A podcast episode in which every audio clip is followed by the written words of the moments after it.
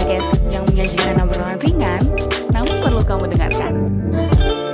Assalamualaikum warahmatullahi wabarakatuh. Halo teman-teman semuanya. Bagaimana nih kabarnya? Mudah-mudahan sehat dan senang selalu ya. Selamat datang kembali di podcast Sigma dan selamat mendengarkan. Perkenalkan, aku Mailani Fautri Nasution. Di sini aku akan menemani teman-teman untuk berbincang mengenai isu yang akan kita bahas kali ini. Podcast kali ini kita akan bahas apa sih? Oke, podcast kali ini kita akan bahas isu mengenai kasus yang sedang marak di lingkungan kampus. Sudah banyak banget kasus-kasus yang kita lihat di media sosial, mulai dari Instagram, Twitter, bahkan TikTok. Aku harap kita semua lebih care terhadap kasus yang sedang marak ini. Sudah banyak banget berita tentang kekerasan seksual di, di lingkungan kampus yang tentunya berdampak buruk bagi korban. Dari beberapa korban, ada yang takut untuk melaporkan kejadian tersebut, dan ada juga yang berani untuk speak up. Wow, keren banget ya yang berani untuk speak up. Oke, langsung saja kita mulai obrolannya. Di sini aku nggak sendirian, aku ditemenin narasumber yang kece, yaitu Kak Maria. Yang mana Kak Maria ini berperan aktif sebagai Ketua Bidang Menteri Pemberdayaan Perempuan di Dema UIN SMH Banten. Boleh saya hai dulu kak? Iya, halo Sigmania. Uh, halo juga Kamelani. Langsung aja Kak Maria memper memperkenalkan diri. Terima kasih. Uh, dia perkenalkan nama aku Maria dari Dema UIN SMH Banten tepatnya di Menteri Pemberdayaan Perempuan. Nah, aku juga uh, gabung di, di organisasi eksternal. Aku dari jurusan HTN semester 6. Ya, itu aja sih perkenalannya. Oke, terima kasih, Kak. Bagaimana kabarnya untuk hari ini, Kak? Alhamdulillah baik juga, Kak. Wah, kelihatannya lebih fresh gitu ya, Kak. Udah libur lebaran nih. Oh ya kak, kalau boleh tahu sekarang ini sibuk ngapain aja ya kak? Iya, uh, gimana ya? Lagi ini aja sih menjalankan aktivitas seperti mahasiswi biasanya gitu. Mungkin uh, sekarang nih sekarang nih lagi karena kemarin baru selesai raker di DMAU, uh, ini lagi mempersiapkan gitu kan proker ke depannya seperti apa gitu. Dan di di eksternal juga sama gitu lagi uh, ada kegiatan-kegiatan organisasi juga gitu gitu aja sih kak wow tetap semangat ya kak Oke, okay, podcast kali ini aku mau bahas mengenai kekerasan seksual di lingkungan kampus. Menurut kakak sendiri, kekerasan seksual itu yang kayak gimana sih? Oke, okay, ini udah masuk uh, ke pembahasan ya kak. Nih, dari yang aku pahami soal kekerasan seksual, kekerasan seksual ini e, artinya gitu kan, adanya perlakuan atau perbuatan seksual e, dari orang atau kelompok tertentu secara fisik gitu kan, tanpa adanya persetujuan dari orang tersebut, tetapi dia tetap melakukan e, walaupun tidak ada persetujuan gitu. Nah, itu e, sudah bisa disebut, nah itu disebut kekerasan seksual karena adanya pemaksaan tanpa adanya persetujuan dari orang itu. Oh jadi kekerasan seksual itu dengan pelecehan seksual itu berbeda ya kak? Selama ini apa kakak udah pernah nemuin kasus-kasus yang sempat bikin heboh di lingkungan kampus kita sendiri nih? Nah iya uh, untuk di kampus sendiri gitu ya banyak uh, banyak juga gini kasus pelecehan dan kekerasan seksual gitu yang ada di kampus kita terutama. Nah untuk pelecehan seksual sendiri itu yang paling banyak sih sekarang gitu ya, yang di mana contohnya nih contohnya uh, catcalling gitu yang masih mengakar di kampus nih yang masih banyak korban-korbannya gitu kan, yang di mana uh, itu tuh kan yang mendorong yang membuat uh, akhirnya perempuan di UIN ini tidak mau gitu loh. Tidak mau jalan sendirian tidak mau uh, berikut berorganisasi kalau misalkan gak ada temennya gitu. Karena masih banyak oknum-oknum atau orang-orang yang belum paham soal pelecehan seksual itu gitu Nah terus uh, ada lagi nih uh, pelecehan secara verbal gitu kan. Uh, yang menyinggung uh, tubuh seseorang, pakaian seseorang gitu kan, yang mungkin menganggapnya itu candaan gitu loh. Padahal dampaknya itu ya si korban merasakan hal yang tidak nyaman gitu loh dengan apa yang dilakukan oleh orang-orang uh, yang tidak mengerti itu gitu terus juga uh, banyak yang melakukan apa sih pemaksaan gitu lah pemaksaan secara seksual gitu entah itu kayak misalkan uh, tidur bareng lah atau misalkan gimana gitu itu uh, termasuk ke pelecehan dan itu bisa masuk ke kekerasan seksual karena itu udah masuk ke pemaksaan gitu kan. Terus uh, kalau untuk pelecehan sendiri juga banyak berbasis online gitu kan. Kayak misalkan uh, apa banyak yang masih ngirim-ngirim foto-foto nggak jelas gitu loh foto-foto yang bersifat pornografi gitu loh. Yang itu membuat si penerima ini ya tidak nyaman gitu loh dengan kiriman-kiriman tersebut gitu. Nah kalau untuk kekerasan seksual ini uh, banyak juga gitu di kampus. Misalnya nih dalam berpa dalam berpacaran itu juga masih sering terjadi gitu kan. Masih banyak uh, toxic relationship gitu loh yang yang sekarang nih masih menjadi problem juga di UIN gitu kan.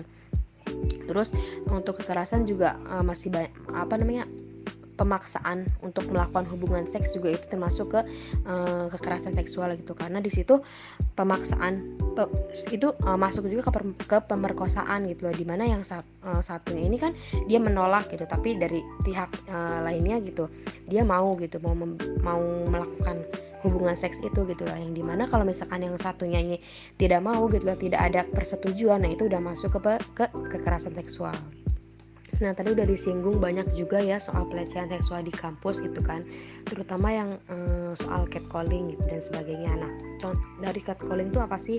Nah catcalling ini pelecehan yang terjadi biasanya itu di tempat umum, di jalanan gitu yang bersifat mungkin bersifat candaan gitu bagi orang yang bagi bagi mereka gitu yang melakukan hal tersebut padahal hal tersebut sudah mengarah ke pelecehan seksual gitu loh misal nih ada perempuan uh, ada perempuan ini lewat di kantin gitu kan mungkin di uh, siul-siulin gitu. Atau enggak wah yang belakang tuh gitu. Atau enggak wah uh, yang depan tuh boleh dong nomor WA-nya nah itu kan itu sebetulnya sudah mengarah ke pelecehan seksual gitu yang di mana si korban ini gitu loh pasti merasa ketidaknyamanan gitu loh, merasa tidak enak atau enggak merasa kayak merasa risih gitu loh dengan hal tersebut gitu loh. Tapi masih banyak eh, orang-orang uh, yang menganggap hal itu tuh hal biasa gitu loh hal yang bersifat candaan gitu. Padahal dampaknya dampaknya uh, berat lumayan berat gitu loh kepada si korban gitu. Mereka uh, mereka tidak tahu gitu apa yang dirasakan si korban keresahan atau kerisihan yang mereka alami gitu Uh, selain itu, tadi kan udah disinggung tuh banyak uh, tentang pelecehan seksual secara langsung gitu kan, seperti uh, catcalling gitu dan sebagainya. Ada juga pelecehan secara online gitu kan, uh, atau yang bisa disebut KBGO. Misalnya nih mengambil data-data pribadi dari seseorang gitu loh, terus uh, dengan tujuan untuk mengirimi atau mengirimi atau uh, menghina si korban lewat sosial media gitu kan uh, atau dengan atau nih misal ada seseorang yang mengupload uh, foto atau meng-share video di sosial media gitu loh.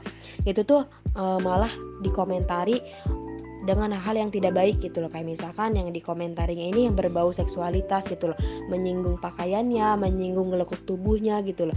Itu kan membuat uh, risih gitu loh membuat tidak nyaman kepada uh, korbannya gitu. Nah itu bisa disebut pelecehan seksual secara online gitu wah berarti masih banyak banget gitu ya kak kasus-kasus kekerasan seksual pelecehan seksual yang ada di sekitar lingkungan kampus kita nah untuk faktor-faktor penyebab kekerasan seksual yang sering belakangan ini terus-terusan ada itu apa aja sih kak penyebabnya itu? Oke, uh, tadi banyak juga kan disinggung soal pelecehan dan kekerasan seksual di kampus gitu loh ya. Kira-kira apa sih yang menjadi uh, latar belakang gitu loh? Kenapa KS dan pelecehan seksual ini semakin meningkat gitu kan dari tahun ke tahunnya?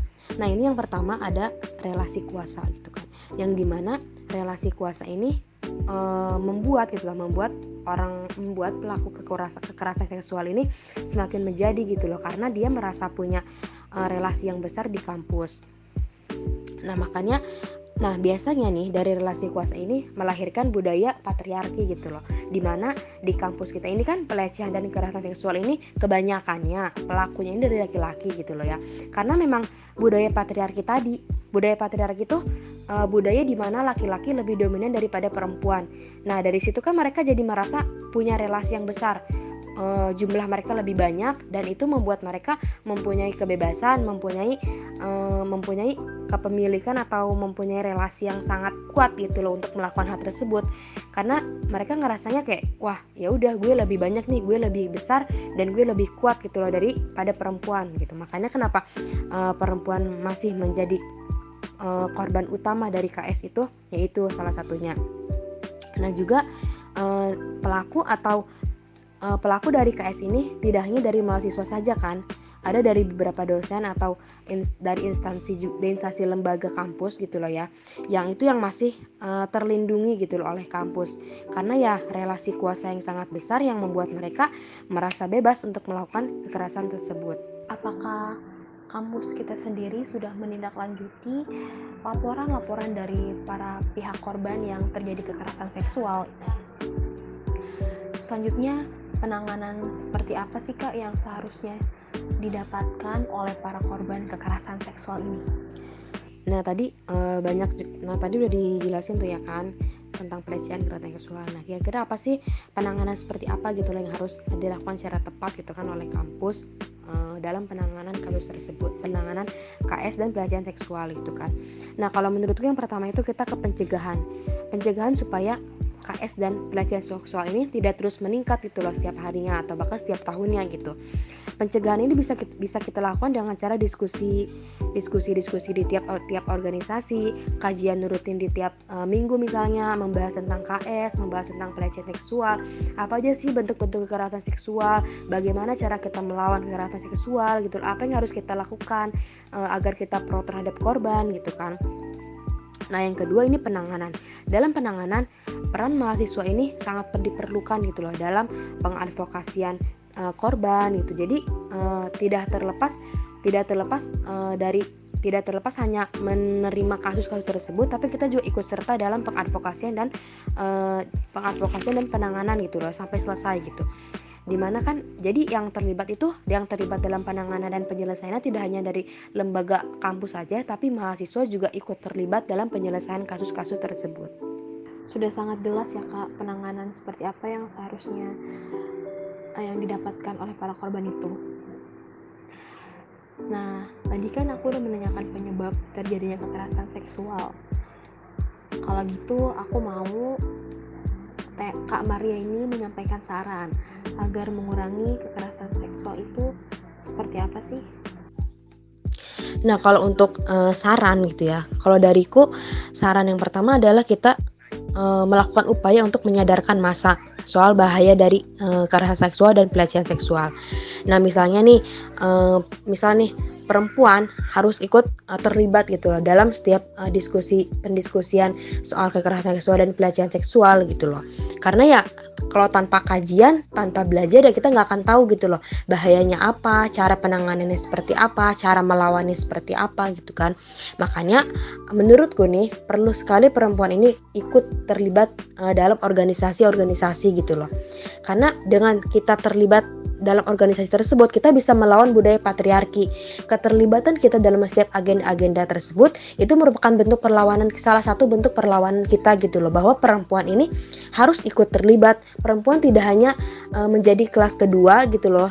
Uh, yang pertama laki-laki dan perempuan yang kedua itu tidak sekarang tidak gitu loh perempuan harus melawan itu dengan cara ikut serta, dengan cara ikut mengeluarkan mengeluarkan ide-ide dalam setiap agenda organisasi. Itu juga salah satu bentuk melawan dari budaya patriarki tadi gitu loh. Yang terus yang akhirnya um, budaya patriarki itu kan bisa melanggengkan kekerasan seksual dan pelecehan seksual di kampus gitu. Makanya saranku ya perempuan harus ikut terlibat perempuan harus ikut kajian-kajian gitu loh karena ya tanpa belajar dan tanpa memahami ya kita harus dengan cara melawan apa gitu loh. Caranya seperti apa kita kan nggak tahu gitu. Makanya aku ngedorongnya ya perempuan jangan malas untuk ikut kajian jangan malas untuk berorganisasi gitu. Jangan malas untuk meluarkan ide pendapatnya aspirasinya apa pun itu gitu loh. Harus terlibat dalam setiap uh, agenda-agenda. Sudah sangat jelas ya kak bahwasanya perempuan ini harus berperan aktif uh, di agenda-agenda mulai dari organisasi, kajian-kajian agar perempuan ini lebih memahami bagaimana caranya mencegah terjadinya kekerasan seksual ini. Oke kak, uh, boleh dong kasih semangatnya untuk pendengar Sigmania supaya lebih bersemangat dalam menjalankan aktivitasnya. Oke, kita udah di ujung nih ya kak ya. Nah, kalau dari aku nih eh, semangat untuk semua mahasiswa-mahasiswi UIN, pendengar setiap podcast Sigma gitu kan, terutama untuk perempuan eh, kita jangan mau ditindas gitu. Kita jangan mau jadi kelas kedua kita harus melawan budaya patriarki, kita harus ikut serta dalam setiap agenda-agenda, kita jangan mau malas-malasan, kita harus mau belajar gitu loh, harus tahu apa problematika perempuan sekarang gitu, bagaimana cara melawan ketertindasan yang ada di kampus gitu kan, uh, ya contohnya dengan cara berorganisasi dan ikut serta dalam agenda-agenda politik di kampus gitu. Uh, Oke, untuk Sigma semangat dan semoga terus melahirkan karya-karya yang keren yang bagus untuk uh, seluruh mahasiswa-mahasiswi UIN. Dan untuk Kamailani juga uh, terima kasih udah mengundang aku buat ada di podcast Sigma kali ini. Semoga sehat selalu dan bahagia selalu. Baik, dari hasil bincang-bincang kita tadi, di sini aku akan menyimpulkan bahwasanya Kekerasan seksual itu perlakuan seksual yang dilakukan secara fisik tanpa persetujuan dari orang lain, di mana orang itu tetap melakukan walaupun tidak ada persetujuan dari orang itu. Dan ternyata di kampus kita masih banyak kasus pelecehan dan kekerasan seksual. Untuk kasus pelecehan seksual yang lebih banyak terjadi yaitu contohnya catcalling. Catcalling itu pelecehan yang terjadi di tempat umum, di jalan yang bersifat candaan bagi mereka, mungkin bagi mereka candaan, padahal hal itu sudah mengarah ke pelecehan seksual.